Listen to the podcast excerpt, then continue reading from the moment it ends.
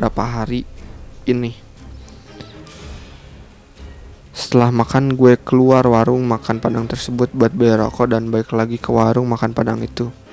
Sampai lagi sampai lagi gue warung makan padang itu dan nemuin ekspresi teman-teman gue yang diem-diem man dan muka dengan muka yang gak enak banget dilihat.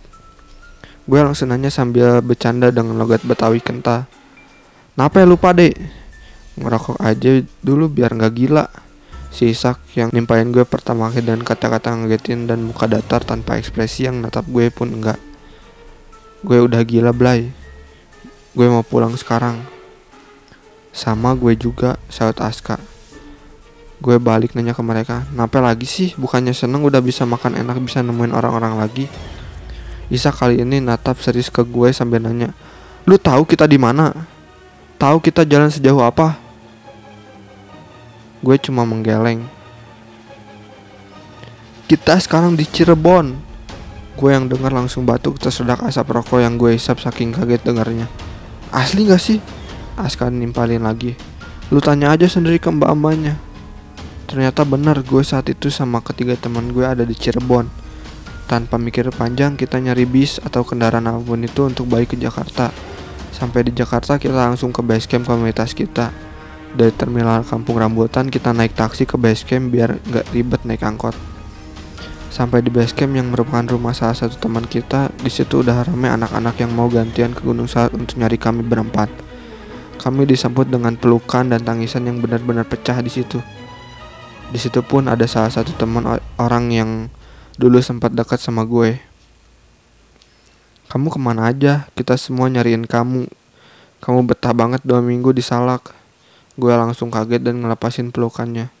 Gue mikir dua minggu. Waktu yang lumayan lama buat naik ke Salak.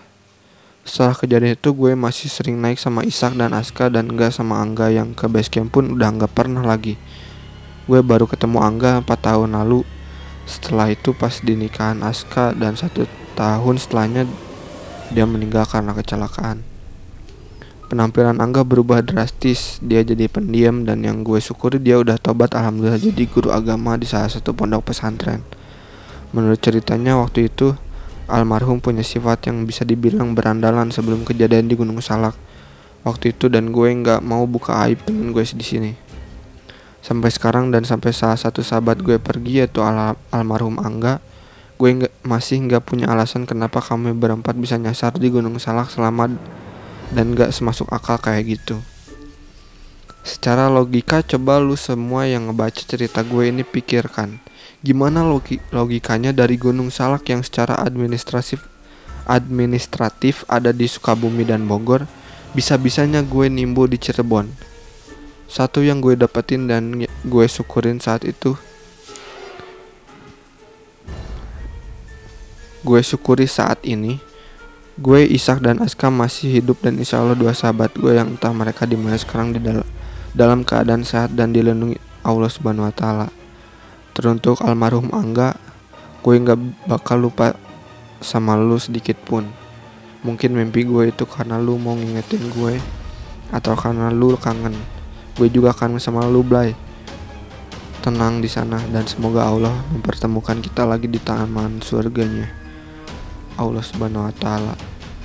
Oke, jadi itu cerita dari Trihadi Prawira dan ketiga tem ketiga temennya Ishak, Aska, dan almarhum Angga yang tersesat di Gunung Salak Bogor. Dan yang anehnya mereka muncul di Cirebon. Gila sampai merinding gue bacanya. Itu nggak masuk akal banget sih.